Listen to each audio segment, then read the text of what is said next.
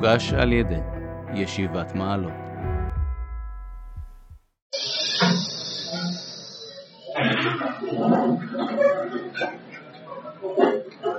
טוב, שלום, ערב טוב.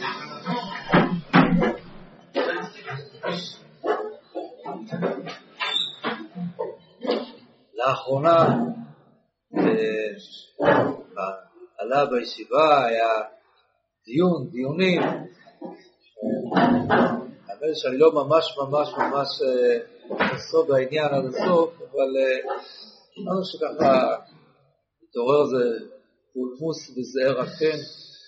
וכל הנושא הזה, הרחב והמעניין והמרתק והבאמת מאוד משמעותי, ההגדרה הזאת של התקופה שלנו, לראות אותה, אה, נמצאים בהתחלתא דגאולה, בהתחלתא דהתחלתא, כן, לא, איך, איך הדברים אמורים להיראות, אה, איך אמורים אה, להתייחס אל הדברים, איך אנחנו מנתחים מקורות, איך אנחנו מנתחים מציאות.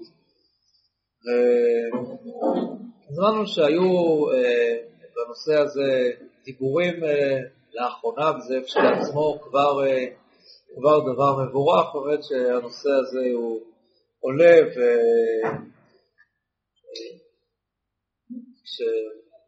וכשאנחנו היינו צעירים יותר, אז אה, זה נושא ככה שממש אה, היו עוסקים בו הרבה מאוד. זה היה מאוד חם העניין, והשקפת העולם, הדתית-לאומית, מול אה, השקפת העולם החרדית מכאן, החילונית מאידך, מה זה אומר, איך זה נתפס, באמת היו הדברים הללו.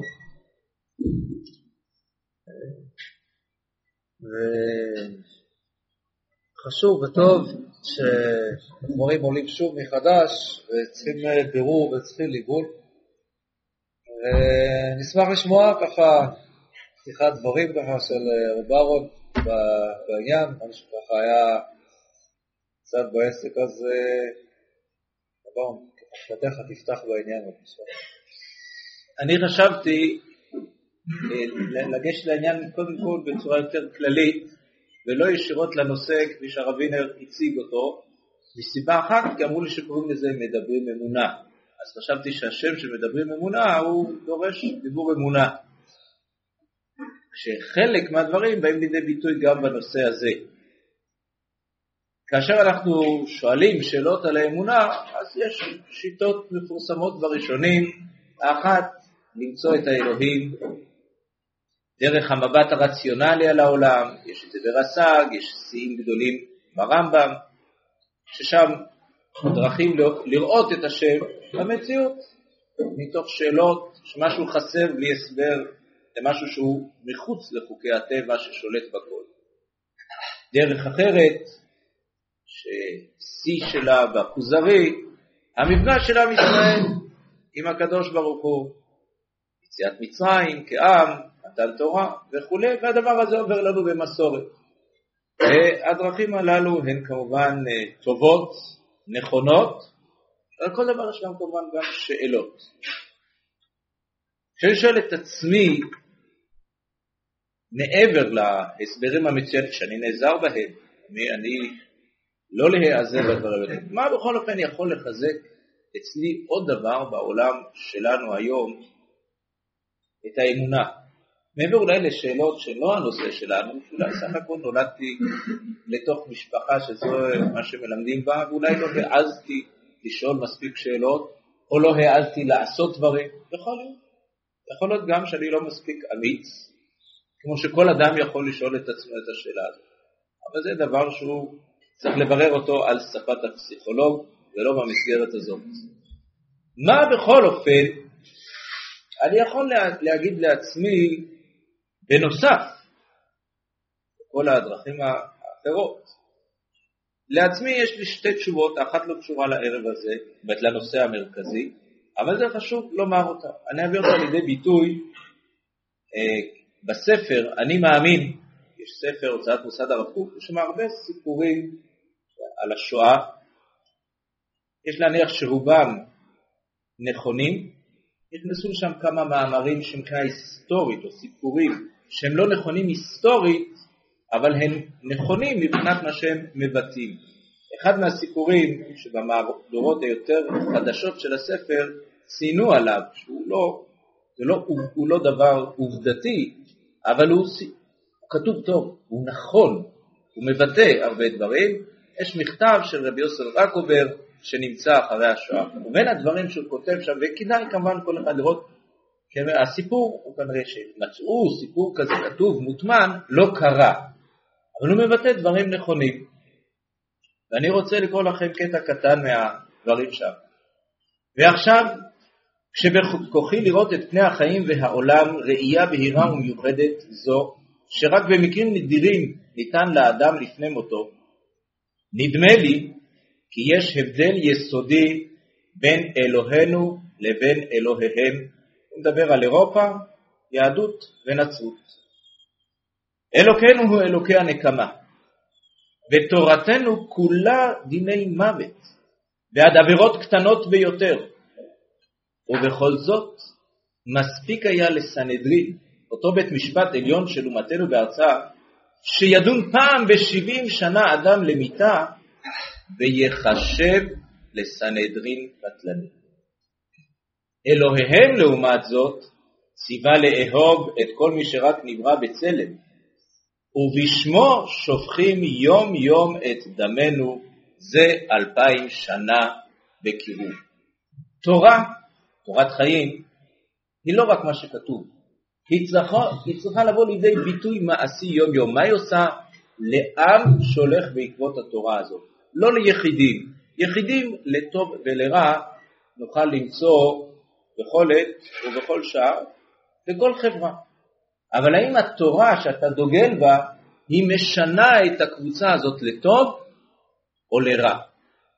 במילים הכתובות אפשר לבוא נגד התורה של ישראל, הוא בכל מיני תלונות, והוא מביא כאן את הביטוי, התורה שלנו, תורת נקמה באמת, כשאתה קורא את הדברים, יש הרבה דברים. אבל בואו נראה מה קרה לעם ישראל, איזה מין עם הוא. והדבר הזה הוא מיוחד ביותר כשאנחנו בתקופה המודרנית מדברים על זה, כל כמה זמן החברה מחפשת תורה חדשה. מדוע? כי כשזו תורה של בני אדם, אתה מנסה לפתור בעיה, אופס, מתגלית בעיה חדשה. ואילו תורה אחת, בלי בגלל שלהם יש לנו הוכחות ממתי ניתנה תורה, אבל היא מספיק עתיקה, אין בזה ויכוח שלפי כל התורות הכי כפרניות, אבל בבית שני באיזושהי תקופה כבר הייתה תורה כפי שהיא לפנינו היום, וזה מספיק זמן מאז ועד היום. כאשר אני מתבונן על העם שהולך בדרכי התורה הזאת, כקבוצה, אני רואה עם מוסרי. עם שיש לו איזו הדרכה מיוחדת. אפילו אני חושב שחלק מתחלואי החברה היום, אבל עוד יתר של רצון למוסריות, שלפעמים זה אפילו נראה לנו קיצוני מדי, הוא בגלל שהם לא לקחו את כל התורה. אבל התורה של ישראל השפיעה על כל הקבוצה הזאת שיש לה איזשהו קשר ליהדות. ואני לא רואה את זה בתורות אחרות שהן משפיעות. זה דבר אחד והוא נושא בפני עצמו. אם התורה היא אמיתית, היא אלוהית, היא יכולה להמשיך לאורך כל ההיסטוריה. תיאוריות של בני אדם הן מצוינות, הן חכמות, אבל הן לא מוכיחות את עצמן כי כל כך זמן צריך לעשות שיפורים. וזה דבר חשוב לנושא אמונה, והוא לא קשור ישירות לנושא שלנו. הנושא השני שלנו, איך יהודים מרגישים. אולי נזכיר לעצמנו קצת שוב סיפורים מההיסטוריה. אנחנו יודעים שלאורך הדורות, לצערנו הרב, יהודים המירו את דתם לפעמים, חלק בגלל לחץ של סכנת נפשות או עינויים גדולים, חלק מתוך תאוותנות. היה יותר נוח להתקבל בחברה כשאתה ממיר את דתך. ראיתי בדורות המאוחרים יותר איזה בן אדם שאומר, עדיף להיות מומר ופרופסור מאשר להיות יהודי ומלמד תינוקות. הדלתות נעולות. המלחין הידוע שלנו, פליקס מנדלסון, הנכד של רבי משה מנדלסון, שהיה יהודי גדול בתורה, משכיל אדיר, שונה מהאורתודוקסיה, קצת פחדה ממנו. אולי שלא בצדק, אולי כן, לא ניכנס לשאלה הזאת, הוא היה יהודי דתי לחלוטין למהדרין. הילדים שלו המירו את דתם, מדוע? כדי שפליקס הקש... הקטן, שהיה ברוך כישרונות, שהדלתות לא ינהלו בפניו. יהודי, אין לו עתיד בקריירה מוזיקלית, והם משנים את שמם לברטלודו. לאחר מכן, דווקא הבן הזה שלהם, הנכד של רבי משה, שבאמת הצליח במוזיקה, אבל הוא חזר לשם מנדלסון לפחות, הוא לא התבייש בשם של המסורת, אני, לא, הוא, לא, הוא לא חזר ממש ליהדות ככל הידוע לי, אבל לפחות לשם היהודי הוא חזר כן. אז אלה יהודים שלא נדבר עליהם, כי אלה לא בעיות אמוניות, אלא זה או פחד מגויים בלית ברירה, או הרצון להשתלב, להצליח בחברה. היו יהודים טובים, לפחות במבט ראשון, וחשובים, שהמירו את דתם כי הם לא עמדו במתח הרוחני מול המציאות, מול הפילוסופיות שהם עמדו מולם, אבל אני חושב יותר מול המציאות. יש אה, אחד הסיפורים היהודיים, הרב של ברגוס נדמה לי בספרד, לקראת סוף 1300, קרוב ל-1400, בעל משפחה, רב של קהילה, בן 50 בערך, הוא ממיר את דתו. יש לו חבר שכותב לו מכתב בשצף קצף, איך הוא עושה את זה, וויכוח גדול גדול, וכעבור כמה זמן מוצאים גם אותו לא איתנו. החותנת שלי, זיכרונה לברכה, שהייתה חוקרת, אז פעם בסעודת שבת ישבנו ביחד, והיא מספרת, כשהיא הייתה בחוץ לארץ בעבודות המחקר שלה, אז תוך כדי עבודה היא עזבה את הספרייה המחוממת ויצאה החוצה לרחוב כדי להרגיש מה, מה הרגיש יהודי באותם ימים. כשהוא גר במקומות המסכנים, בשטייטל, בבתים הקטנים, הוא יוצא לרחוב, ומה אתה רואה מבחוץ? את העוצמה, את הקתדרלות הגדולות. הנצרות טוענת, טענה כך לפחות, היום היא גם טוענת, אבל היום אין להם ברירה קצת ליישר קו איתנו, שיהודי, היהודי הנצחי קוראים לו, הוא נועד להישאר לעד כדי להוות דוגמה לאדם סובל, בגלל שהם לא קיבלו את אלוהותו של ישו, את ההתגלות המחודשת של אלוהים בעולם. והם כמובן טרחו לזה שבאמת היהודי גם ייראה ככה כיהודי סובל. ויהודים מרגישים את זה, אז עוד לא המציאו את הפתגם עם הנצח לא מפחד מדרך ארוכה כנראה. הנוצרים אומרים, תראו, זו המציאות, דור אחרי דור, אנחנו חזקים, אנחנו מצליחים, לנו החיים טובים, ואיך אתם נראים? אם היהדות היא נכונה, אז אה, איפה זה? אתם יהודים טובים, איפה, איפה, איפה מאור פנים של השם כלפיכם? אלינו יש הארת פנים של אלוהים. תסתכלו איך אנחנו חיים ואיך אתם חיים. ויהודים נשברו, הם לא עמדו במתח הזה. אני לא יודע מה היחסים הכמותיים בין המשתמדים השונים, אבל יהודים השתמדו על רקע זה. ועכשיו אנחנו מגיעים לנקודה שלנו. אני חי פה בארץ ישראל, ואני שומע את ההיסטוריה המופלאה, שהיא כעת לא קשורה לשאלות, אה, כל מיני שאלות של חוקרים, אם הייתה ממלכת דוד, לא הייתה ממלכת דוד, אבל זה שבתקופה מסוימת עם ישראל היה בארצו, נפוץ לכל עבר, ועברו עליו כל הצרות בכל מקום כפי שהוא, ארץ ישראל שוממת, כפי כל הביטויים, ואף אחד לא מצליח פה, ובדרך פלאית, תראו מה שעומד פה היום, האם זה לא חזון אחרית הימים? האם זה לא התגשמות הנבואות? ברור שכן, לפחות כמעט ברור שכן. ככה זה נראה, אני מרגיש, היום לא קשה לי לשמור על היהדות שלי, נצרות. תראו לי עוד עם אחד בעולם שזה קורה לו. לפעמים חבר'ה מתלוננים והם אומרים, הם מגלים פתאום שיש איזה הבדל קטן בספר תורה, חמישה הבדלים בין ספרי התורה של המסורות השונות שיש לעם ישראל היום. זה פלא עצום, יהודים נפוצים לכל עבר, בחלק גדול בתקופות לא היה קשר, ביהודי תימן היה איזה נתק לאיזשהו משך של זמן. מתקבצים חזרה, ואופס, יש כמה הבדלים קטנים. אבל עצם הקיבוץ, ההצלחה, אם לפני 200 שנה מישהו היה מראה את התמונה של מדינת ישראל ליהודים בכל העולם והיו אומרים זו ארץ ישראל, אנשים היו מסתכלים על זה כעל מדע בדיוני.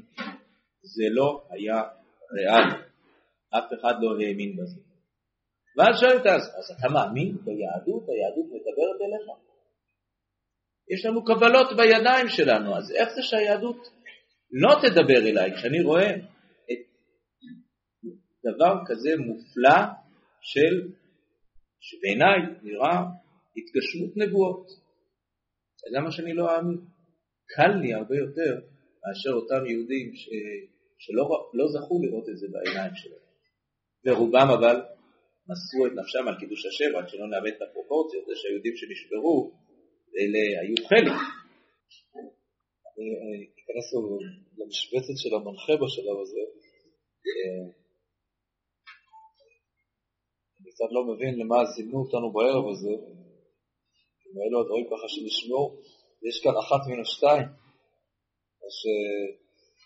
שאנשים לא כך הבינו דברים שנאמרו, זו אפשרות סבירה מאוד פה בישיבה. אפשרות שנייה, שנאמרו עוד דברים, שאני מניח שככה דברים שבהם היו קצת יותר חילוקי דעות. טוב, אז אני אעזור לך. אני אספר עוד סיפור שאמרתי אותו לחלק מהחבר'ה.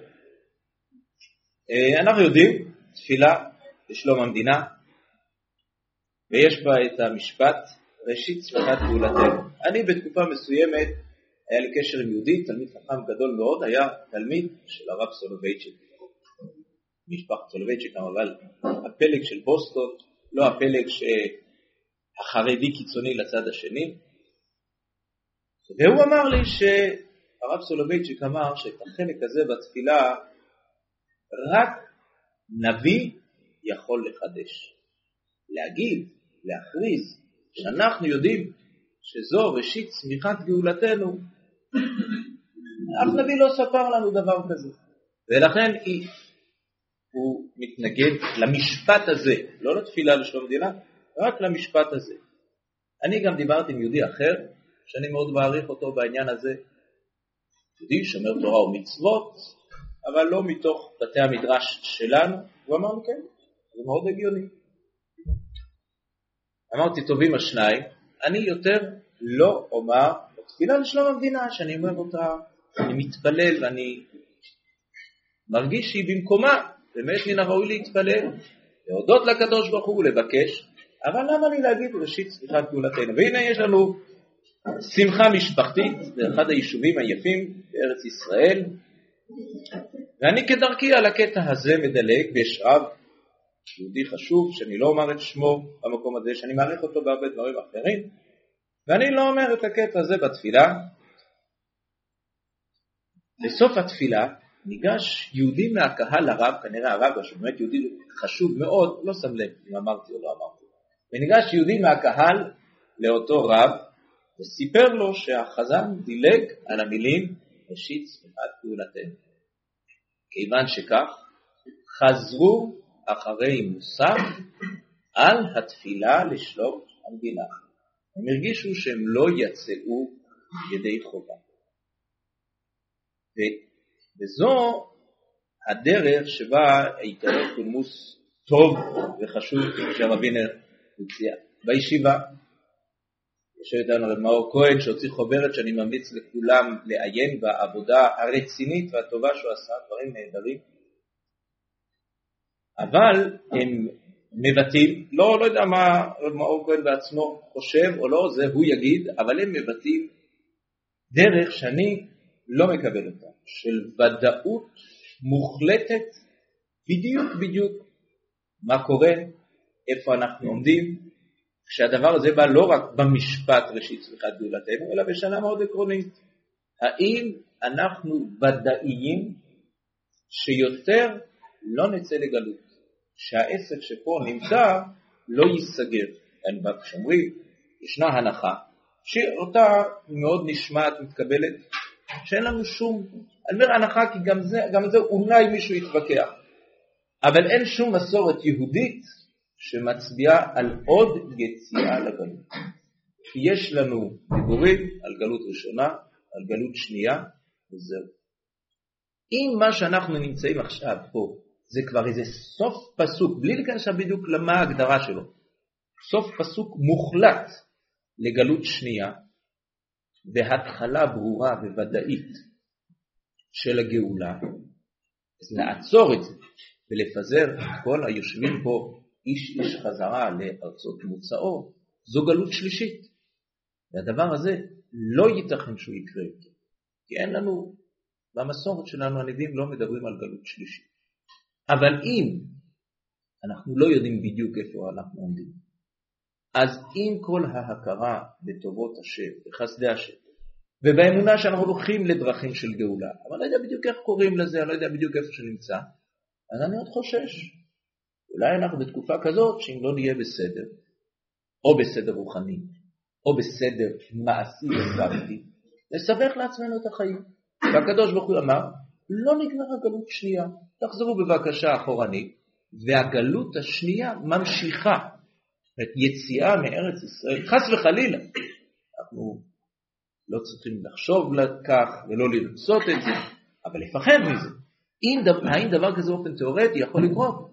הוא לא גלות נוספת, אלא פירושו של דבר, הייתה לנו אפשרות לגמור את הגלות השנייה, ובעוונות לא גמרנו. אני רוצה כדי רק לחזק את הדבר הזה. בין הדברים הטובים שרב מאור שם על הבמה, אז אני רוצה לקרוא דברים, משפט קטן מהרב אורי שרפי, שהרבה דברים אני מאוד אוהב לשמוע ממנו, הרבה דברים מאוד מתאר, ופה הוא מבטא את אחד הדברים שמרגיזים אותי בציבור שלנו.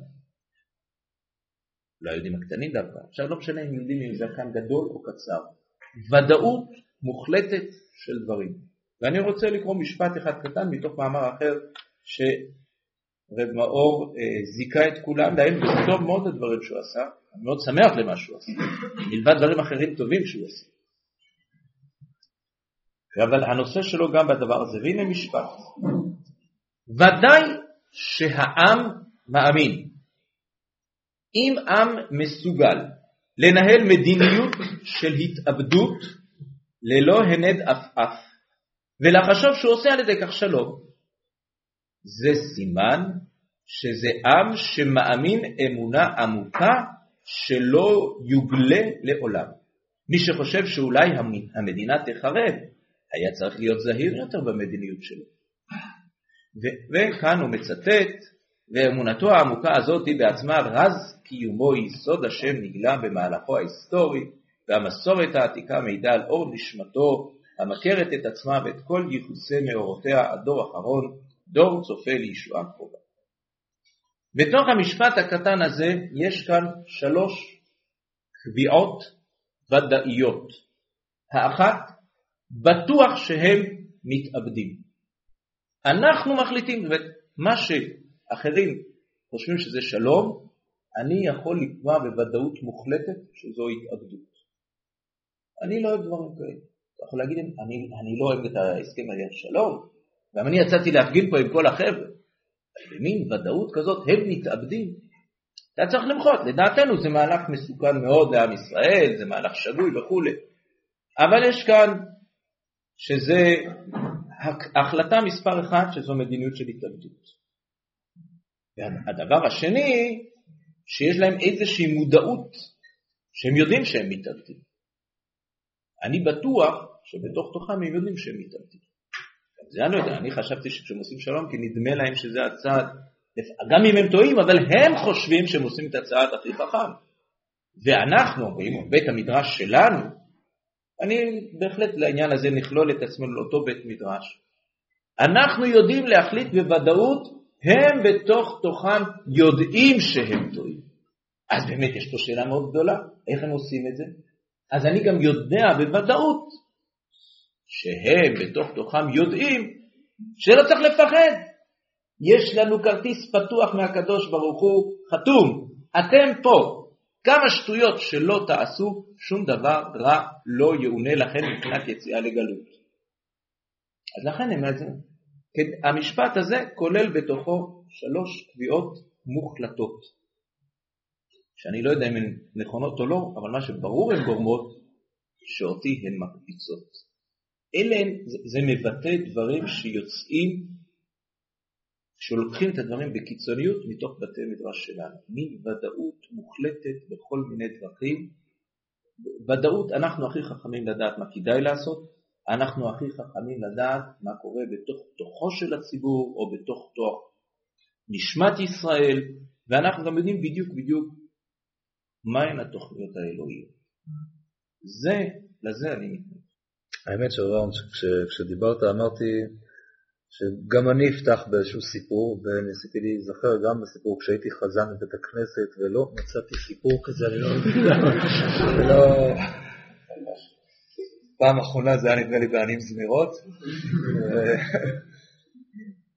וגם שם עזרו באמצע. לגופם של דברים,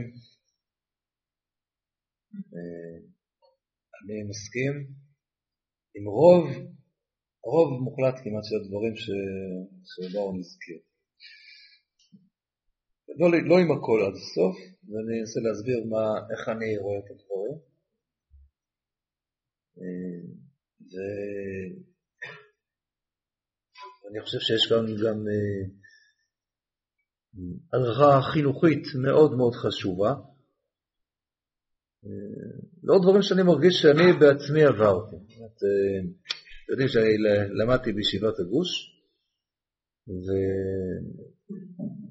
וכשלמדתי בישיבה הזאת, אז היו שקראו לישיבה אותה ישיבה המתקדמת לשלום, וכל מיני ככה היו ביטויים כאלו ואחרים.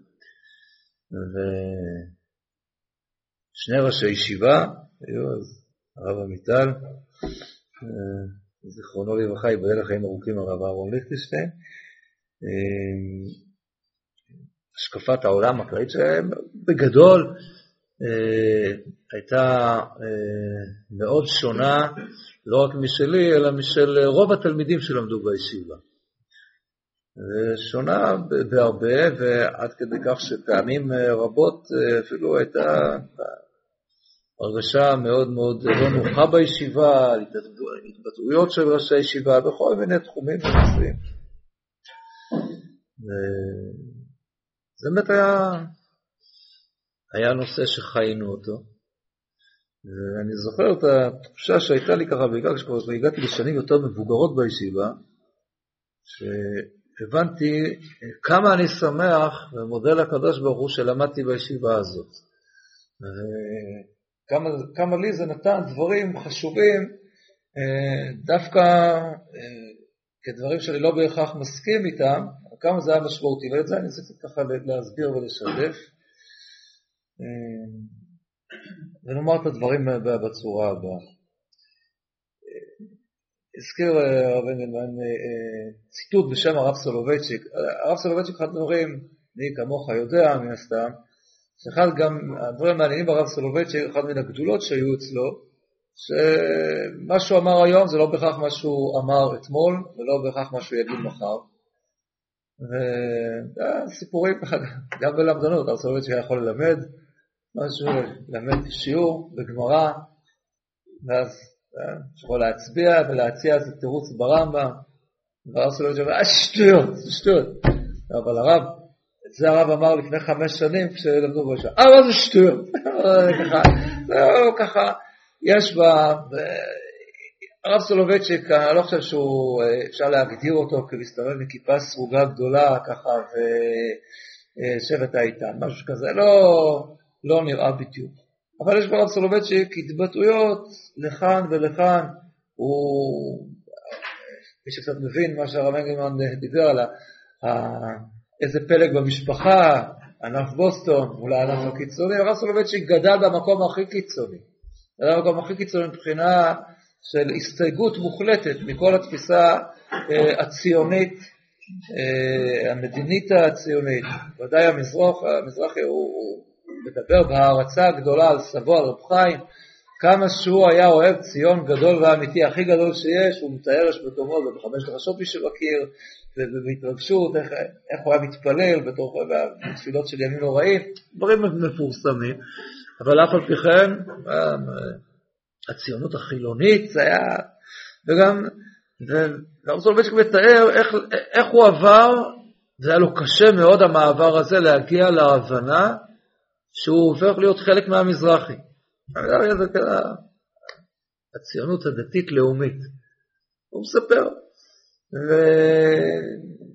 ורואים גם את, את, בכנות המדהימה של הרב סולובייצ'יק, הוא מספר את, כמה זה היה מסובך וכמה זה היה קשה, ואיך הוא, הוא כדרכו, כל דבר הוא רואה את זה כהשלכות של הפסוקים של יוסף ואחיו, ודברים מרתקים ומעניינים מאוד, מאוד לא היה לו פשוט.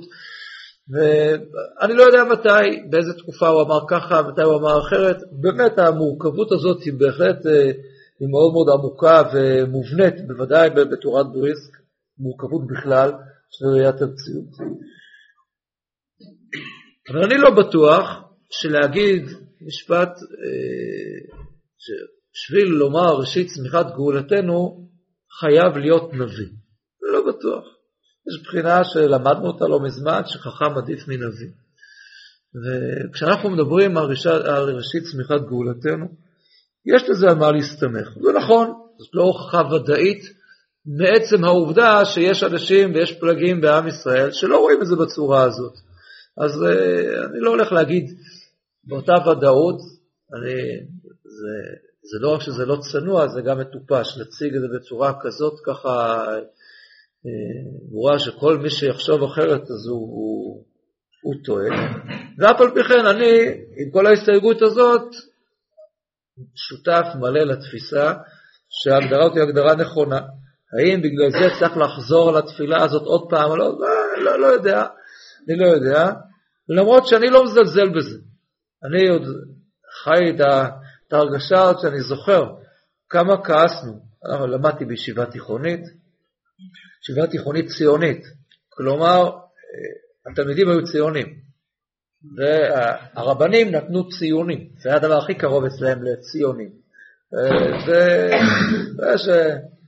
הרם שלנו, אחד הרם לא חשוב, הוא סיפר בהתמורגות ככה, שהוא נהנה ככה לראות בנו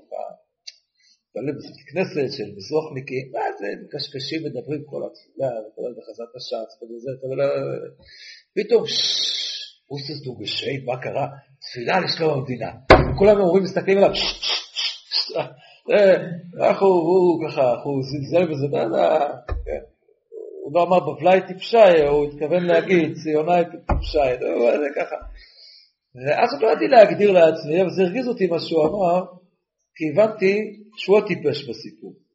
שהוא הטיפש שהוא. יש בו משהו עמוק שהוא לא קולט אותו, שהוא מנסה, או שאולי אפילו זה, זה, זה, הציבור הזה הפשוט שמקשקש בתפילה ובחזרת השץ, זה נכון, וזה באמת בעיה, ויש הרבה מה... מרגיש פה משהו אמיתי. מרגיש פה משהו אמיתי. זה דבר שלפעמים כל מיני חכמים לא מרגישים את זה כל כך. וזה איזושהי הבנה פשוטה, אינטואיטיבית, שיש גם משהו שרואים בעיניים שאי אפשר להתעלם ממנו. אם עד כאן, לפני כמה עשרות שנים, לקחו את היהודים בהמוני, אני אזכיר את סיפור השואה וכל ה... זה דבר שאי אפשר להבין. זה לא נתפס בשום קנה מידה, שום תפיסה ריאלית, אין לזה, זה, אנחנו כשכבר נמצאים כמה עשרות שנים אחרי, עדיין נמצאים במציאות שאין בעל הנס מכיר בניסור. זה לגמרי הזוי, מה שקורה, הסיפור הזה שעם ישראל חוזר לארצו. זה לא, זה לא תפיסה של אפיזודה. אם דבר כזה, דבר כזה שקורה ומתרחש ומתקבץ כאן אה, ציבור גדול כל כך, ואנחנו כבר קרובים, קרובים למציאות שתהיה בעלת השלכות הלכתיות מדהימות של רוב מניין של עם ישראל נמצא בארץ, רוב יושביה עליה. אנחנו לא רחוקים משם. לצערנו אנחנו מתקרבים לזה בין היתר גם בגלל האסון הנורא הזה של ההתבוללות. אבל בכל אופן קורה כאן דבר שהוא פשוט מדהים. זה היה מדהים, גם עם ישראל היה שורד את השואה ונשאר בגלות, וזה היה מדהים, גם עם ישראל בלא השואה היה זוכה לחזור בקיבוץ גלויות שכזה, זה מדהים על אחת כמה וכמה כאשר הצירוף של שני הדברים הללו חובר ביחד, ואני לא בא לתת פה הסברים, האם זה, זה ההסבר? לא, לא, אנחנו לא ברמה הזאת בכלל. אבל הדבר הזה הוא דבר שיהודים הרגישו אותו בצורה הכי הכי הכי טבעית. הדברים שככה, כן, מאור שם על הבימה, אז אני מכיר, מכיר הרבה, ככה, יש דברים ככה שלא הכרתי, יש כוח באמת ככה בעניין הזה, באמת יפה. מי שקורא את הדברים, אני חושב, מה שיכול להרגיש, הדברים שנכתבו בסמיכות להקמת המדינה, שזה הייתה, רוב מי שהתבטא בזה, הציבור הרבני שהתבטא בדבר הזה, אה, לא חיפש הוכחות, אלא זו התחושה הברורה הזאת, ככה, ש... זהו, יש, אה, רואים דבר שכזה, צריכים לשיר לקדוש ברוך הוא, על ההודעה, על גדות נפשנו ועל גאולתנו. אה, אפשר בכלל להשוות את הפלא הזה שקרה לנס של חנוכה? אני חושב שהנס של חנוכה ממש מתגמד, מתגמד לחלוטין לעומת מה שקרה כאן בעשרות השנים האחרונות. ואני יודע, גם אני יודע שעדיין מדינת ישראל היא לא בדיוק ככה אה, הגיעה הגיע לשיא.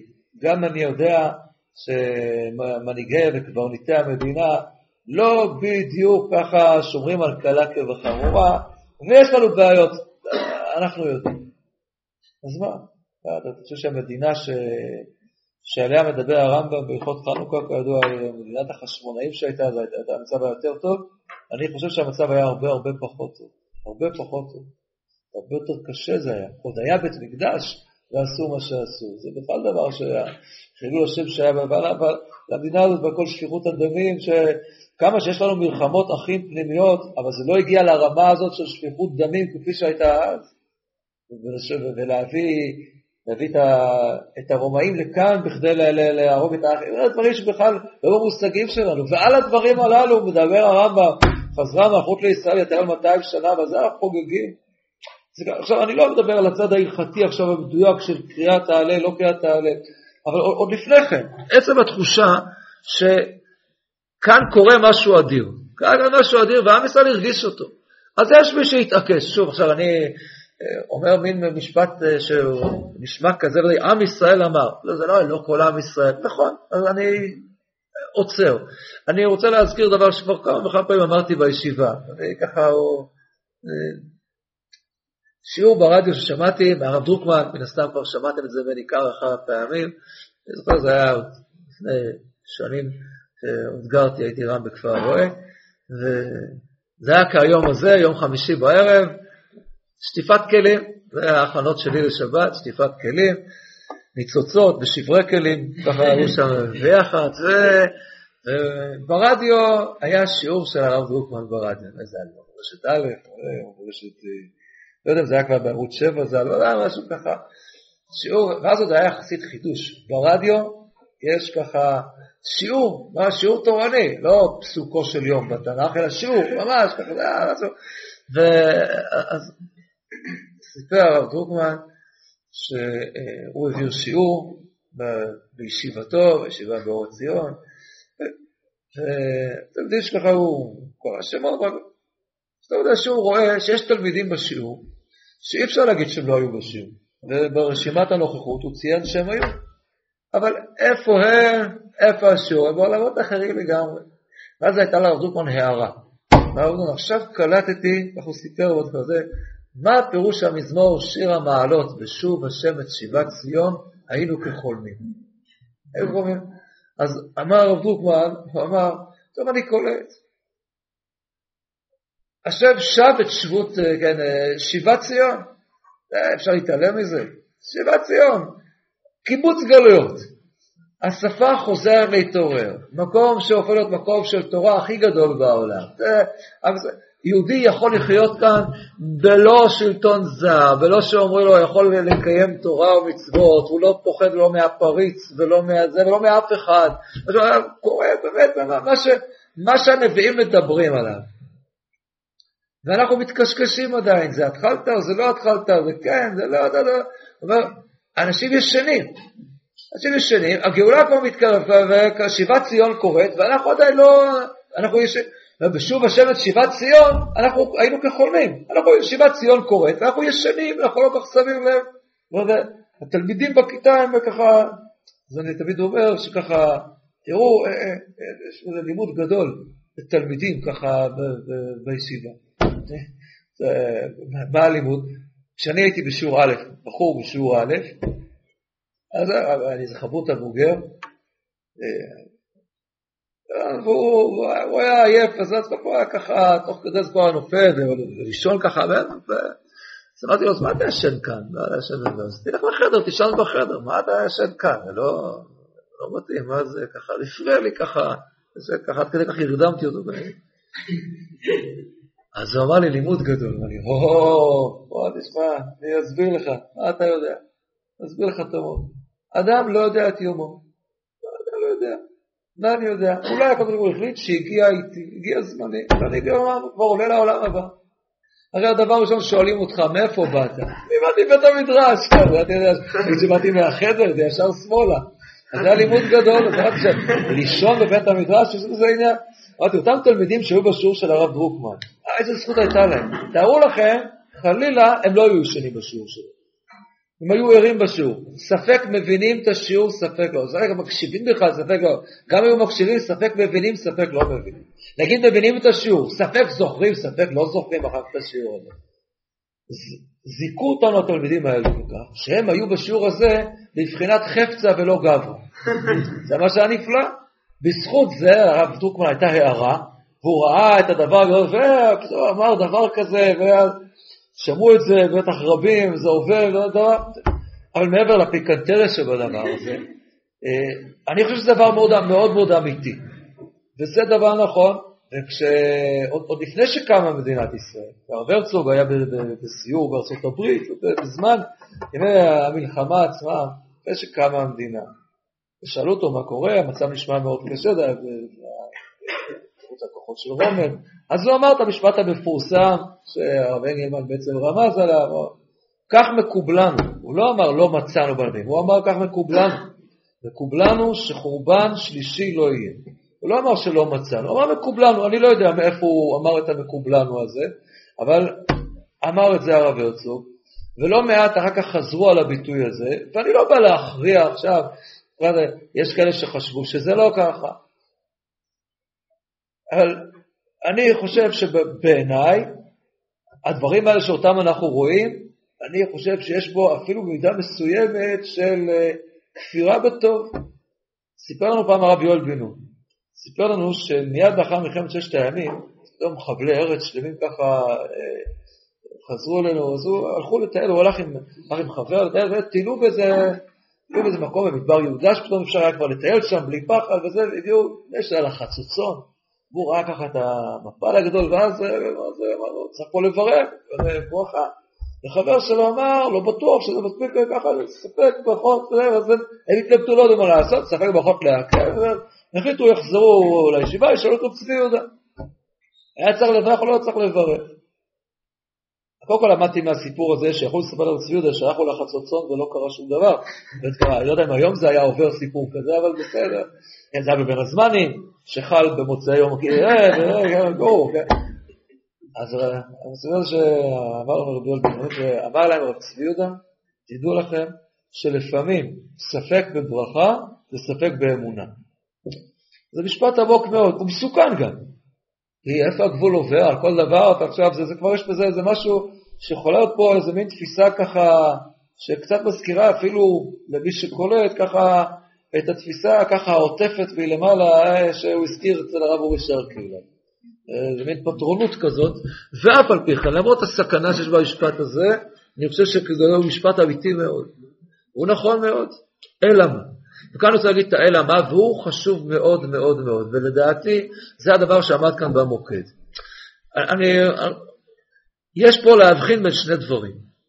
יש להבחין בין שני דברים. האם אנחנו בגדול מרגישים, מאמינים שאנחנו נמצאים בתקופה של גאולה? אני חושב שכן, אני חושב שכן. אני, אני לא יודע, אנחנו, בגמרא לא כתוב שצריך נביא שיבוא ויאמר לך שהגענו לשעת גאולה. יש סימנים, הגמרא מביאה סימן, הרמב"ם לא מביא את הסימן הזה, הרמב"ם מדבר על דברים אחרים, מדבר יותר על משיח, מדבר על קיבוץ גלויות, גם, גם הרמב"ם לא אומר שצריך נביא בשביל הדברים הללו. הגמרא, הספרי מביאה, יש נביא, למה צריך נביא? דרוש על פי נביא, צריך מקום המקדש וכו', מקום המקדש, צריך נביאים, מה שהגמרא מביאה, גם מנחות, בזבחים. אבל הגמרא אומרת למשל, הגמרא מפורסמת בפרק חלק, רבי אבא אומר, אין לך קץ מגולה מזה, ואתם הרי ישראל, עמכם תיתנו פריכם, תישאו לעמי ישראל, כי קרבו לבוא. אנחנו נמצאים עכשיו אחרי ט"ו בשבט. התיאור הזה שארץ ישראל חוזרת, נותנת פירותיה בעין יפה, זה לא איזשהו משל של הקרן הקיימת לישראל. זה סיפור שמופיע בגמרא. עכשיו, זה לא שייך לפסוק אותו להלכה או לא, זה דברי אגדה, פשוט. נכון, זה, זה, זה, לא כדברי אגדה כאגדות של רב בר בר חנה, אלא דברי אגדה שעוסקים בתפיסת עולם, בהשקפת עולם. אני חושב שהדבר הזה הוא דבר מאוד מאוד אמיתי ובולט. אכן כן, אנחנו נמצאים בתהליך שהקדוש ברוך הוא מקבץ אותנו. והתהליך הזה, בעזרת השם, יוביל לגאולה שלמה. אבל כאן ההסתייגות. האם זה אומר שמכאן ואילך, עכשיו אנחנו כל הזמן עולים ומטפסים והכל ברור לנו? כאן זו סכנה גדולה מאוד. סכנה גדולה מאוד, וזה מה שאמרתי, הדבר שכל כך שמחתי בדיעבד כשלמדתי בישיבת הגוש, מהרבה סיבות שמחתי, אבל גם בנקודה הזאת. זה לא עובד ככה. זה לא עובד ככה, ותדעו לך שמי שתופס ככה, בצורה שהכל ברור, הכל זה, הם רק הראשונים שנשברים. הם הראשונים שנשברים. ויש ישיבות כאלה ורבנים כאלה ותלמידים כאלה, ולצערנו הקדוש ברוך הוא מעמיד אותנו בהרבה מצבים מאוד קשים, ושם שוד ושבר קורה. שוד ושבר, כי זה פתאום לא הכל מתנהל כמו שצריך. ופתאום מתברר שיש דברים שלא הכי פשוטים לנו. והרבה מאוד שאלות עכשיו עולות לנו. אבל באמת, זו המדינה שחזו נביאנו? אז איך זה קורה, ואיך זה קורה, ואיך אפשר... ו... ומדינת ישראל, המלכות הזאת, כיסא, יסוד כיסא השם בעולם, מחזירים שטחים? איך אפשר לעשות דבר שכזה? מחריבים יישובים שלנו. זאת גאולה? ואתם יודעים כבר, אתם יודעים, זה לא היה לפני כל כך הרבה שנים. כמה פגועי אמונה יש לנו, רק מהאסונות האלה שקורים לנו בשנים האחרונות. וזה באמת כך, זו, זו בעיה מאוד מאוד קשה. אף אחד לא הבטיח לנו איך זה בדיוק יתנהל.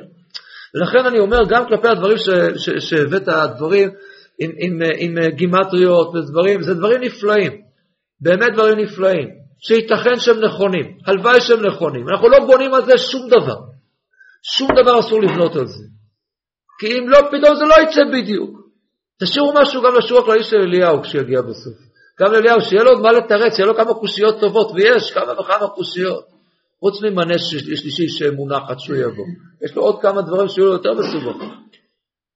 וזה צריך להחדיר טוב מאוד שזה לא סותר אחד את השני. אפשר להאמין באמונה גדולה ושמה שאכן, כן, וככה אני מאמין. שאנחנו נמצאים בראשית גאולתנו, בראשית צמיחת גאולתנו, כן.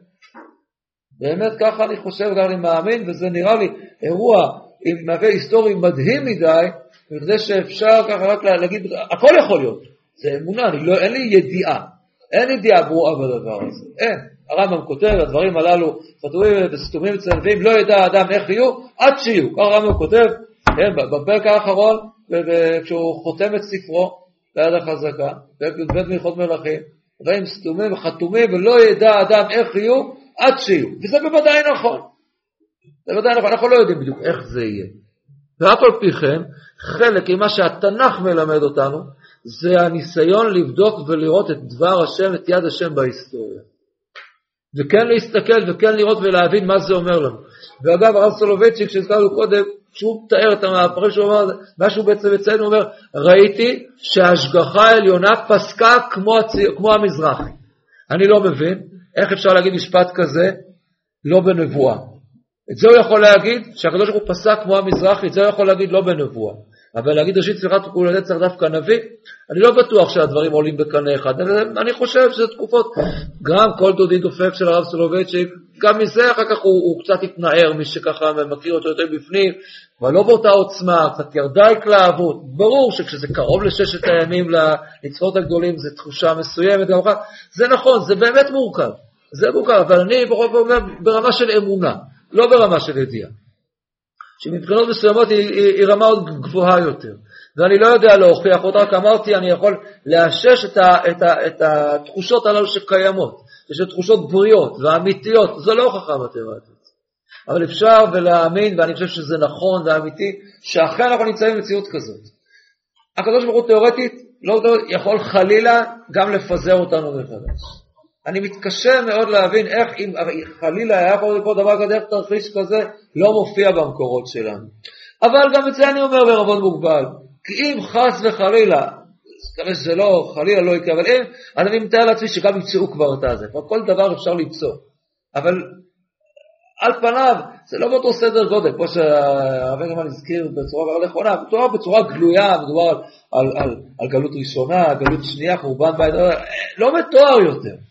לא מתואר. זה לא אומר שום דבר בצורה מוחלטת, זה נכון. אף על פי כן התחושה האינטואיטיבית האמיתית הזאת, אני חושב שהיא המוגדרת בין היתר גם כאמונה, היא דבר אמיתי, אמת ואמונה, זה הולך ביחד. זה הולך ביחד. ועם כל זה, אף אחד לא אמר לנו איך זה יתנהל עכשיו. כל אחד מאיתנו בטוח שהצעות ייעול לקדוש ברוך הוא איך לנהל את הגאולה טוב יותר. אין שום ספק, כולנו יודעים לעשות את זה יותר, טוב יותר מהקדוש ברוך הוא. אבל בסדר, הקדוש ברוך הוא סך הכל, הוא, נדון אותו לקו זכות, הוא, הוא רוצה את טובתנו, בסוף הוא עוד יגיע. זו התחושה.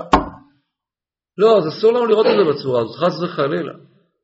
אני אומר שהדבר הזה, אני חושב שהוא דבר מאוד מאוד בסיסי. מאוד מאוד בסיסי. ולכן לי קשה גם עם, ה, עם, עם מה שהקראת מהרב אורי, אורי שרקי, אני מכיר ובאמת מעריך אותו מאוד, מוקיר אותו מאוד. אה, עכשיו אני גם לא יודע, גם אצלו יש לפעמים דברים שהוא אומר בקיצונות כחלק מה... שאתה גם מכיר קצת מן הסתם, אז אני לא יודע, פה באמת הוא התכוון לוודאיות הללו, שבאמת ברור להם שהם הולכים להתאבד, אני לא יודע, זה חלק אולי מהסגנון הפולמוסי שלו לפעמים, אה, צרפתי, זה חלק מה... בסדר. אין גלות אשר בצפרד, בצרפת. אבל, אבל כן, יש בזה איזושהי בעיה להגדיר את זה בצורה שכזאת. אני, אני עוד זוכר שאני ביקרתי אצל הרב ליכטנשטיין, אחרי שכבר עזבתי את הישיבה, שזה היה מיד אחרי שעזבתי את הישיבה, איזה מישהו, פסח או סוכות, משהו, משהו, אז, אז דובר עוד ככה, האם להכיר באש"ף, לא, היום זה נראה כבר ככה, קורא היסטוריה. כן, פעם אסור היה להיפגש עם אש"ף,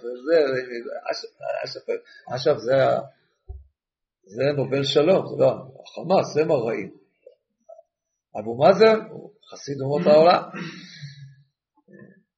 אבו שמאזן, אז אמרתי משהו, שכאילו הדבר הזה כאילו יכול להביא באמת לכך שתהיה פה מדינה פלסטינאית, אני לא זוכר את הקונסטלציה שהייתה. ולתדהמתי, אז הוא אמר, נו, אם תהיה פה מדינה פלסטינאית, וזה כרגע מה שיביא איזשהו שלום, וזה, לא בהכרח שולל את הדבר הזה. אני זוכר שהייתי ממש, הייתי בשוק, ככה, בשוק, ככה. באמת ככה. ואני עד היום לא מקבל את זה, בשום פנים ואופן. מה שאני כן מקבל היום, את יכולת ההכלה, שאני חושב שהרב ליכטנשטיין כן אומר ראשית צמיחת גאולתנו, ואף על פי כן הוא יכול להגיד שלפי תפיסתו יכול להיות ש... שתקום מדינה פלסטינאית, וזה לא יסתור את העניין הזה. אני לא שמעתי ממנו התבטאויות, האם חלילה זה יכול להגיע למצב קשה יותר, לפיזור ולסגירה של כל העסק פה, חס וחלילה, אני גם לא שמעתי ממנו, לא יודע, אני חושב שהוא לא מעמיק, אבל אני לא יודע באמת, אבל לפי מיטב הכרתי הוא אומר ראשית צמיחת גבולתנו, בישיבת הגוש זה מה שאמרו, ואף על פי כן, גם מהלך כזה, שאין לי ספק שגם הרב ליטרשטיין יודע שבסופו של תהליך תהיה פה גאולה שלמה, זה לא יכלול פה מדינה פלסטינאית. אני אומר לך, לפי כל התרחישים הגאולתיים, נכון, לא, לא, לא, לא, לא צפויה פה מדינה פלסטינאית ככה באמצע. ממש ממש לא. זה פה פלסטינאים, צריך שיהיה פה גוי של שבת, נכון צומת, יש דברים שצריך, אבל בסדר. ואף על פי כן הוא יכול לחיות בתחושה של שליחות ושל ציונות דתית מבחינתו. הוא עזב שם, באמת, אה, עזב אה, את פסגת הפסגות בארצות הברית, וככה איפה שהוא היה, והוא בא לכאן ממש מהבחינה הזאת, הוא אה, בציונות צרופה ואמיתית, וככה הוא תפס. ופעם זה, זה היה משגע אותי לשמוע משפטים שכאלה. והיום זה כבר לא משגע אותי. אני מאוד לא אוהב לשמוע משפטים כאלה. ואני מאוד מאוד מאוד מקווה שזה לא יקרה. ואני אומר שגם אם חס וחלילה יקרה כדבר הזה, זה לא יפגום כהוא זה בתחושה שלי, באמונתי, שאנחנו נמצאים בראשית צמיחת גאולתנו. ויכולים להיות בדבר הזה, יכולים להיות כל מיני תהליכים וגם נסיגות, עם כל הכאב, יכול להיות. ולכן גם, גם, גם מסוכן לעשות את החשבונות האלה. את החשבונות שבדיוק ולקחת, אפשר לקחת כל מיני מדרשים ולהגיד, הנה, זה בדיוק עכשיו כאן. וזה החשבון עכשיו יצא בדיוק בשנת כך וכך, וזה בדיוק, זה דברים נפלאים ויפים מאוד וראויים למי שהאמרם, והלוואי שהם גם נכונים. הלוואי שהם כבר נכונים. ואם חס וחלילה לא יהיו נכונים, דיברתי עם הרב ויצמן היום, ראש אסור, אמר, לא יודע מה, אמרתי גם הוא אמר, אחרי שהחבדניקים הסתדרו עם זה שהרבא נפטר, אפשר ליישב כל קושייה. שום דבר לא יפיל. אתה לא מבין כמה זה נכון. כמה זה נכון, כמה הייתה התחושה, ואני זוכר, אתה זוכר כשהרבי חלה וזה, וזה לקח הרבה זמן, הוא היה הרבה זמן ככה במציאות כזאת שככה, לא ידעו, לא סיפרו בדיוק מה היה, זה כנראה כבר היה מין מוות מוחי, לא, לא לגמרי ברור מה היה, אבל זה החזיק, באמת הייתה תחושה באמת מדהימה, שזה, אני זוכר שאני בעצמי, זה, זה, זה היה מפליא, שהוא הוא נשאר בחיים, הוא נשאר בחיים. ואני, שאלו אותי אז כבר גם תלמידים, ולא, ואני זוכר ככה, התחושה שלי הייתה, וש... לא יודע, לא, לא, לא נראה לי כל הסיפור הזה המשיחי של, חב"ד, אבל אני אומר, הלוואי שאני אטעה, יאללה, שזה יהיה המשיח ויהיה בסדר, הוא יסביר כבר, הוא יתרץ ויקום ויהיה זה, שיהיה, אז יתברר שאני הטיפש. זה מחיר קטן כל כך, גם זה יכול להתברר גם בלי שיגיע המשיח, אבל לא צריך בשביל זה ככה, המחיר כזה גם, שהוא יגיע, שהוא יהיה. אבל התחושה הייתה, זה לא יכול לקרות, זה לא יקרה. וזה מה שחב"ד שידרו. לא, אז עדיין לא היו כאלה עם, הדגל, עם המשיחיסטי. כולם אמרו, זה לא יקרה, זה לא יקרה. זה לאין ארוך יותר חזק היה מאשר היה לא תהיה. זה היה, זה, לא יכול להיות, לא יכול להיות. וזה קרה. גם אחרי שזה קרה, היו הרבה שלא האמינו, וזה לא נכון. וזה רק למראית עין, ולא רק זה, ויישובים ותירוצים כאלה ואחרים. וכמובן מיד אחר כך נמצא הזוהר האבוד, שמסביר על זה שחכו, המשיח ייעלם, איפה נעלם הזוהר הזה כשעדיין היה בחיים חיותו? אז לא מצאו אותו, אפשר להסתדר עם הכל. אפשר להסתדר עם הכל. ואנחנו צריכים, מהבחינה הזאת אנחנו צריכים זהירות רבה מאוד מאוד מאוד, לא לקבוע ככה נחרצות ומסמרות בעניין הזה, איך הפרטים בדיוק יקרו, איך יקרו. אבל אנחנו צריכים הרבה סבלנות. ומי שקובע בצורה מאוד ברורה, אנחנו רואים שזה מביא לנפילות גדולות, כי מה לעשות, כנראה הקדוש ברוך הוא לא תמיד משתף אותנו בכל התוכניות שלו. בפרטים ובצורה ובדרך, אז אלה הדברים שאני חושב שככה עם חלק, עם רוב מה שאמר אה, הרב אנגלמן, אמרתי שאני חושב שהדברים, אני מסכים איתם במאה אחוז, ואני חושב שגם ככה חינוכית הם מאוד חשובים, ו... אולי יש נקודה אחת שבה אנחנו ככה אולי מעט ככה חלוקים, אבל... אני, כן. אני קודם כל חזרתי להגיד ראשית שמחת גדולתו, בגלל גדול השלום. ראיתי איזה ויכוחים, זה עושה בבית כנסת, אז אה, זה לא שווה אם זה לא שווה. כי המובא, המובא, המילה גאולה ודאי גדולה ורחבה. אין ספק, זה נסכים הרבינר, שההרגשה שהקדוש ברוך הוא פה גואל את עם ישראל היא ודאית והיא נכונה, בכל אופן, כך זה נראה לנו. על זה אין לי, אין לי ספק. להגיד הלל בלב מלא, בשלם, ומי שלא אומר, אני לא מבין אותו. מקצת השאלה ההלכתית של ההלל, בלי להודות לקדוש ברוך הוא, בלי להרגיש עם ההרגשה שהקדוש ברוך הוא פה מוביל אותנו לדברים שהתפללנו עבורם תקופה ארוכה וזכינו למה שאף אחד לא זכה, אין לי בעיה, ולכן גם המילה גאולה במובן הכולל והרחב, ודאי שאנחנו בתקופה של גאולה, הוויכוח הוא רק במינוחים החד משמעיים על דרגות כאילו, אם יש מינוחים כאלה, אולי אין מינוחים. כאלה.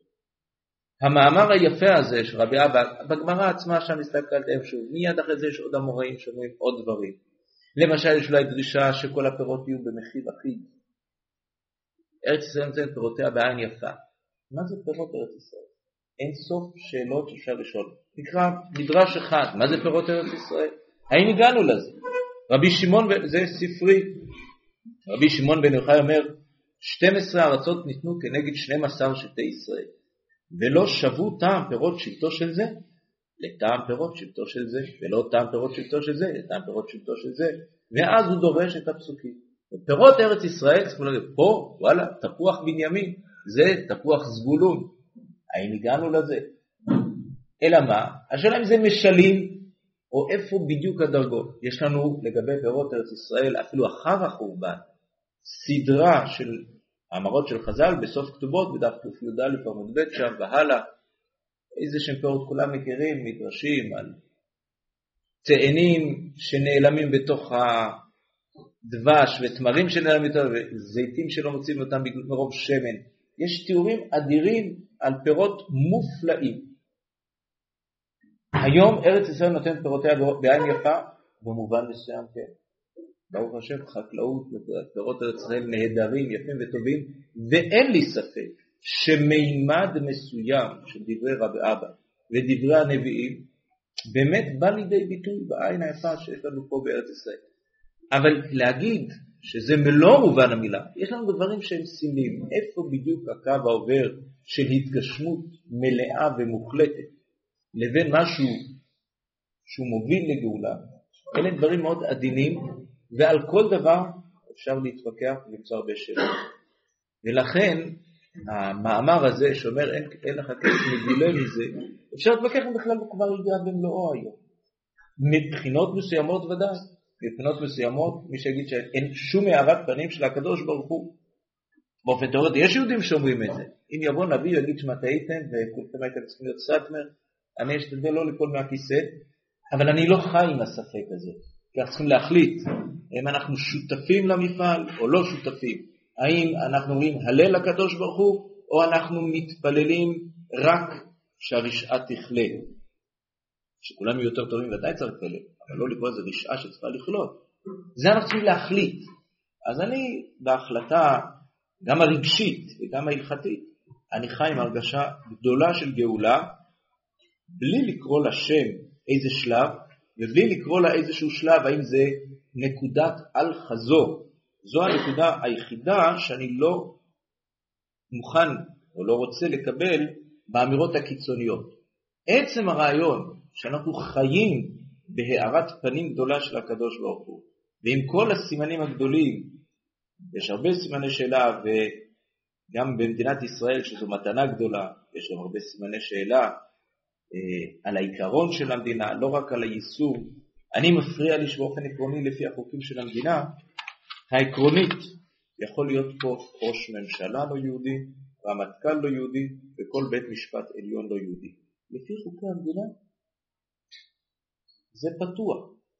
נגיד, וזה יסוד כיסא השם בעולם, שג'עברה יהיה שופט בית המשפט העליון. זה לא קורה ברוך השם, כי אנחנו רוב. אבל בתיאוריה מדינת ישראל היא לא טוענת זו מדינה שהיא קודם כל, מדינת יהודים כן, יש הרבה סממנים גדולים. אני גם הייתי אומר שאנחנו באמת לצערנו הרב לא במצב אחר. אני לא חושב שמדינת ישראל יכולה להכניס בחוקי היסוד שלה כרגע דברים כאלה שבאמת ימנעו בהכרזה שאזרח שהוא לא יהודי לא יכול להיות ראש ממשלת ישראל. זה לא, זה, אנחנו לא בתקופה שיכולים לעשות דבר כזה. אבל עצם היכולת הפוטנציאלית הזאת היא מפריעה לי מאוד. אנחנו על ידי מדינת ישראל מקיימים ולא נעזבנה ביד אומה מן האומות. כשיכול להיות אחד מן האומות, הוא יהיה זה שהוא יהיה הרמטכ"ל וכולי. אז זה נקרא ולא נעזבנה ביד אומה מן האומות? מבחינת העיקרון של מדינת ישראל, מצד שני אני לא יכול, כמו שהרבינה אמר, מתי עם ישראל חלם לדברים כאלה?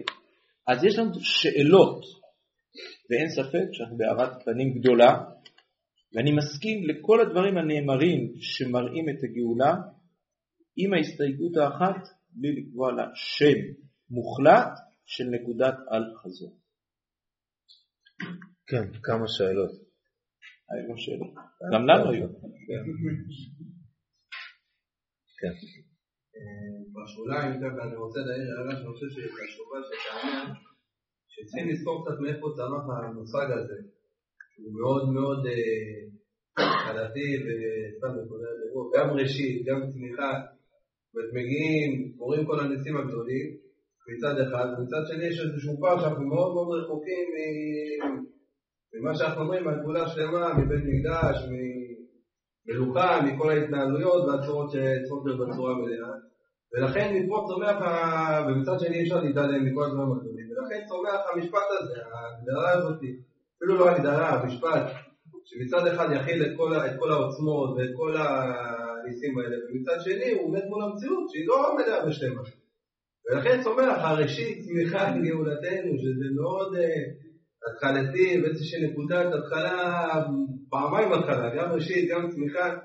ואני חושב שמפה, אחרי כל השנים שהקדישו עליו איזושהי נקודה מאוד ברורה, זה כבר בעיה אחרת, זאת אומרת זה שחלק מהציבור uh, עצר בשאיפה, זאת אומרת, הוא מסגיר, הוא נמצא במקום הזה ומבחינתו זה איזשהו משהו שלם, זה בעיה אחת.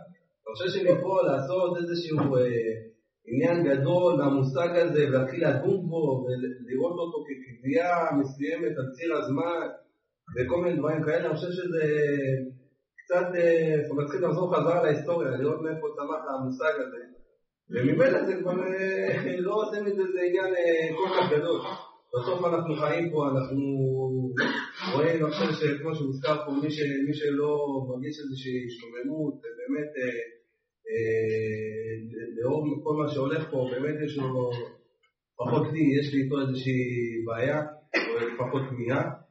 אה, ועוד פעם, צריכים לזכור שהנקודה הסופית זה עם עם תורה ובארץ. זה, זה המהלך הסופי, וכל עוד זה לא קיים, אז זה גאולה שלמה. אז כל אחד שיגדיר את זה שהוא עושה, אבל מצד שני יש פה דברים גדולים שקורים, ומזה זה צומח, וגם בגאולת מצרים, גם היא לא גאולה שלמה. וצריכים לעבור את התהליך עוד הפעם ועוד הפעם, עד שיש את, היציאה, ועד שיש את התורה, ועד שיש את הארץ. וגם שם יש נסיגות ועליות וירידות. ואני חושב שמאוד חשוב לזכור כמעט בכל דבר, לראות מה ראשיתו, ואיך הוא צומח באמת כמדינה. וממילא אני חושב ש...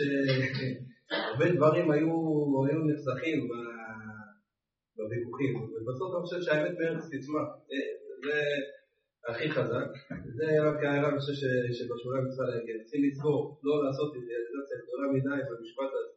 טוב, אז יש פה שני דברים. לגבי המונח, אני קודם כל מסכים עם הפרשנות שלך וזה מה שמאפשר לי, אז אני אומר את זה. אמרתי, יש גאולה במובן הרחב, ואנחנו אבל יש ויכוח עקרוני, יש יהודים שרואים בזה דבר מאוד חשוב, כמו שבא לידי ביטוי בחוברת. הבאת למשפט. במשפט עצמו אני מסכים לפרשנות שלך, ולכן לא חייבים להגיד את המילים האלה דווקא כאמירה קיצונית, אלא אמירה שכולם יכולים וצריכים, שיכולים לפחות בעצם לקבל אותה. המשפט עצמו. אבל הוויכוח הוא ויכוח אמיתי, לא יודע ויכוח, השאלה היא שאלה אמיתית. יש יהודים שרואים בזה יסוד אמוני מאוד חשוב.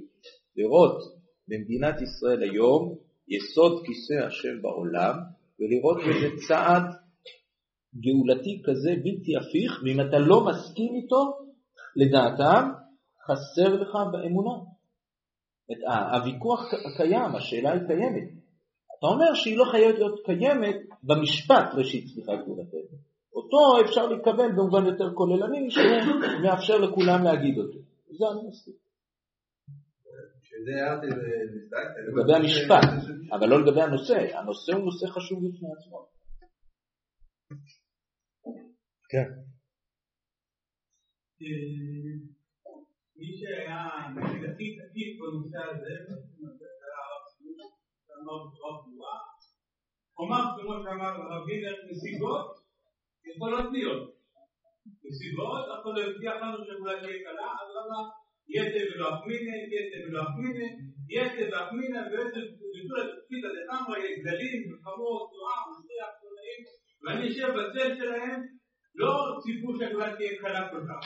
שביעית, מלחמות, שביעית, גאולה, מלחמות, הצד הזה, גאולה, ידעו שיהיו קשיים, הם לא רצו להיות בזה, אין ברירה, אנחנו הותקלנו לתוך הדור הזה, אבל מה כמו שאמר הרב וינר, האמירה של הרב והרב הרצוג, גם רשות תיאולוגיה שלישית, שיש גם מדרשים מפורשים, מדרשים מפורשים, נסיעת מצרים, נסיעת גלות מצרים, גלות בבל, גלות שלישית, אל ההפסק, כאשר שפולתי, שפולתי, שפולתי.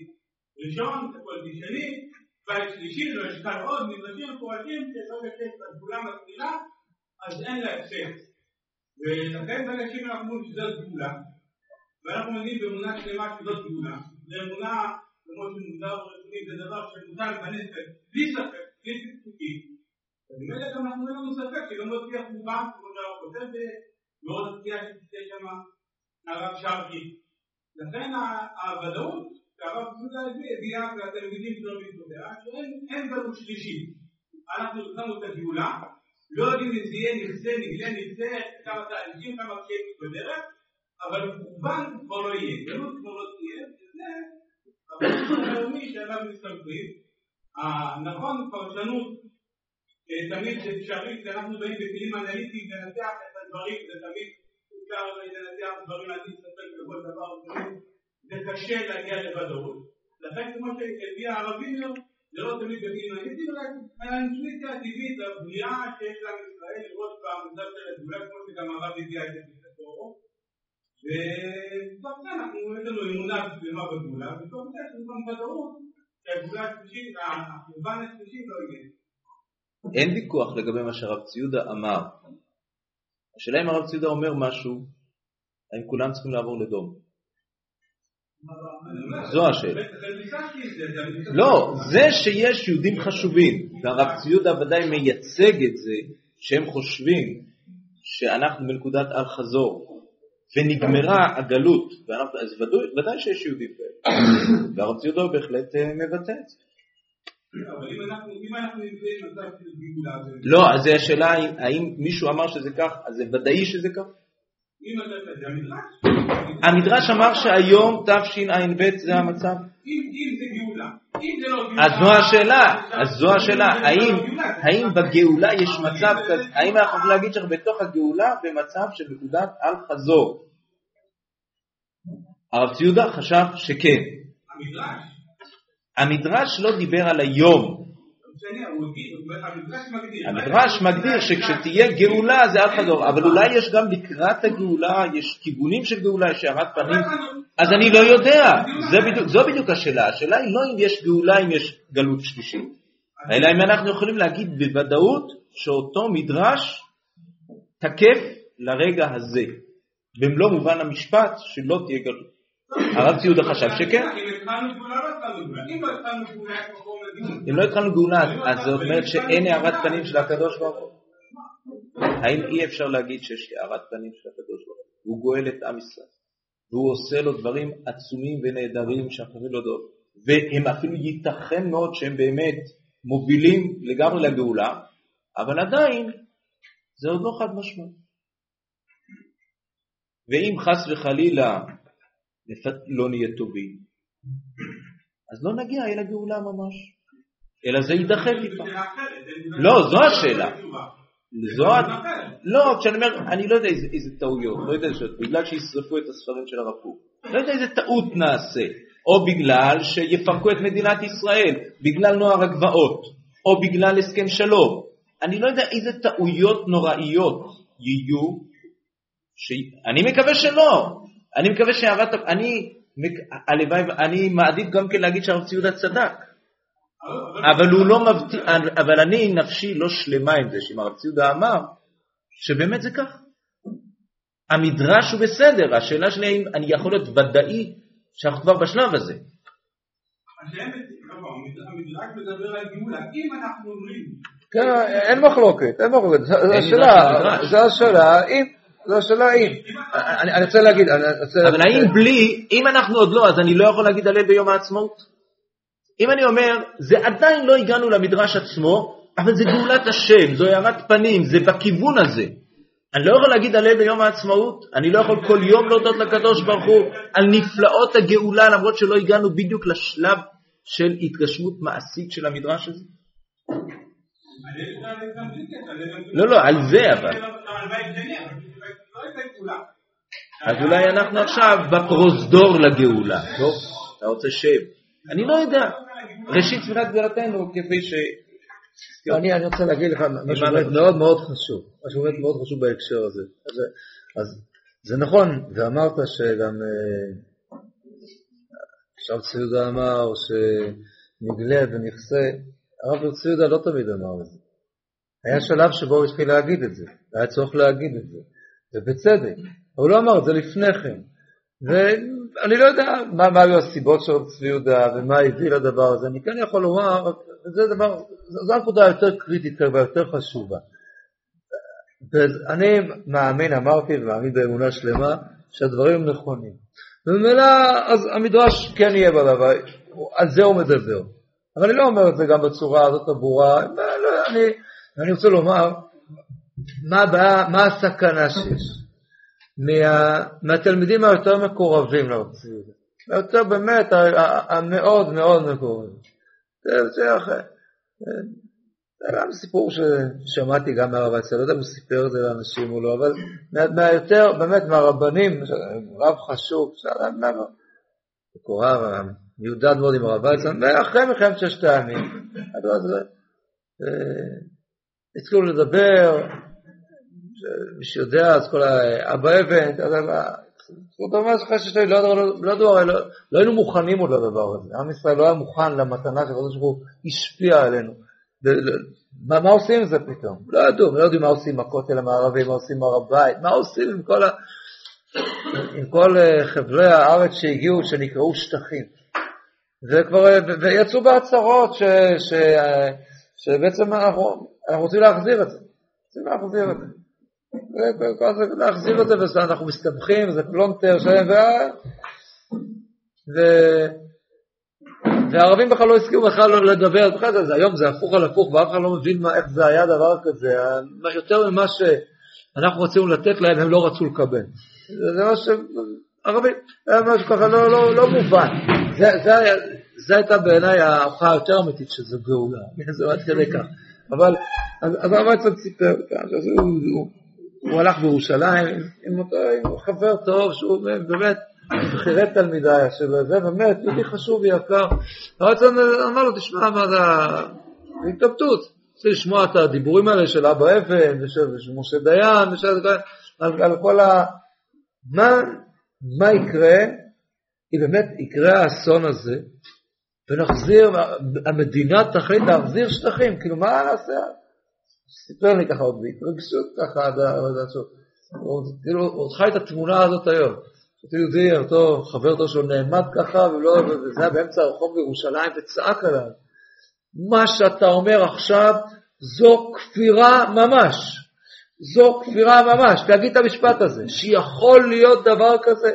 לא יהיה דבר כזה. מי שאומר את זה זו כפירה ממש. למה להגיד זו כפירה ממש? ולמרבה הצער הנוראי זה קרה. זה קרה. זה לא כפירה ממש. אבל, אבל זה מסובך. והוא ינק את זה בבית המדרש, הוא, שם הוא למד. ואני לא, יודע אם הרב צבי אמר את המשפט הזה, אין לי מושג, אני לא למדתי בישיבה עכשיו, אני לא יודע, ואני מבחינת תפיסת העולם והשקעת, הרבה הרבה יותר קרוב לדברים שהרב צבי אמר ממה שאמרו ראשי הישיבה שאצלם אני למדתי. עם כל האהבה הגדולה שלהם וכל הכרת הטוב וכל התורה שלמדתי מהם, בתפיסה, אני הרבה הרבה יותר קרוב למה שאמר הרב צבי יהודה. אבל אני בסיפור הזה מבין את הסכנה שיש. לא להגיד, גם המשפט הזה שאתה אומר, אתה כבר בחור מבוגר יותר וכבר יותר בשל ויכול להכיל.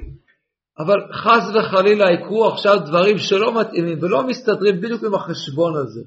מה, אנה אנו באים? מה, נתעלה באיזה מדרש? מה, אנחנו נולדנו אתמול בבית המדרש? יכול להיות, כל מקור, כל מדרש שתביא, אפשר גם להסביר אותו ולתת לו ככה, ולפעמים אולי זה מחלוקת המדרשים, כאילו, כבר עברנו את הגיל כאילו, חז"ל אומרים, אין איזה רב כזה עם זקן לבן שנקרא חז"ל ז"ל, והוא uh, אמר דברים.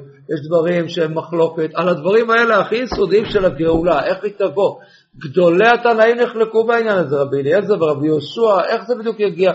זה באמת מורכב. הלוואי שאתה צודק. אני גם מאמין שזה נכון. אני באמת מאמין שהמדרשים האלה זה הפירוש שלהם. מאמין, אבל לא אומר אותם בצורה ודאית, לא עושה את המתמטיקה הזאת. אם כך, אז יוצא כך וכך וכך. זה מסוכן, זה מסוכן, זה מסובך. אנחנו לא כולאים את הקדוש ברוך הוא באיזשהו סד מדויק של תוכנית שעכשיו הוא מחויב אליה לפי סדר המדרשים הזה וזה וזה. זה לא ככה, זה לא ככה. נפלאתי בימינו. אנחנו, לפחות אני, אני חושב שחלק גדול מהציבור באמת מאמין שזה ככה, ויש לו שאלות, יש לו שאלות, גם לי יש הרבה שאלות. אני, אני לא יודע כמעט שום דבר לענות. יש לי הרבה שאלות, אבל זה לא פוגם באמונה העוצמתית הזאת שלי, שזה כן, כן, הנה, זה התחיל, זה התחיל.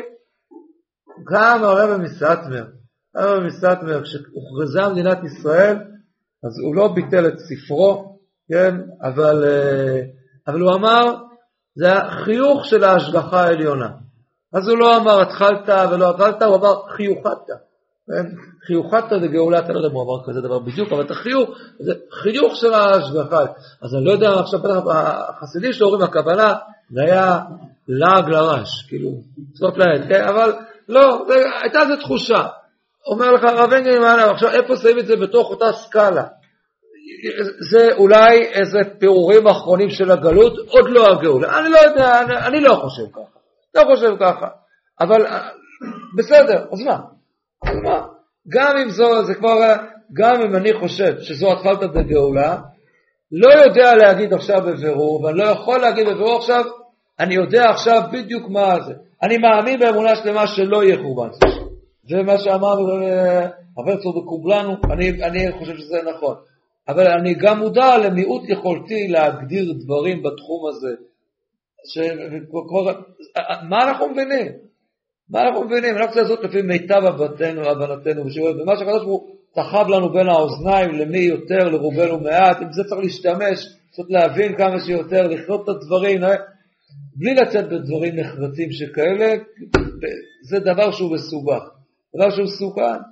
בעזרת השם נראה את הדברים עין בעין, יתורצו כל הקושיות, נראה שהכל מסתדר, כל המדרשים, ואפילו הרבי מסטמר יזכה ככה להיות פעם שליח ציבור, להגיד הלל שלם וזה, נו, בעזרת השם. ואני אהיה חזן בראשית צמיחת זמן טוב, זהו, יישר כוח.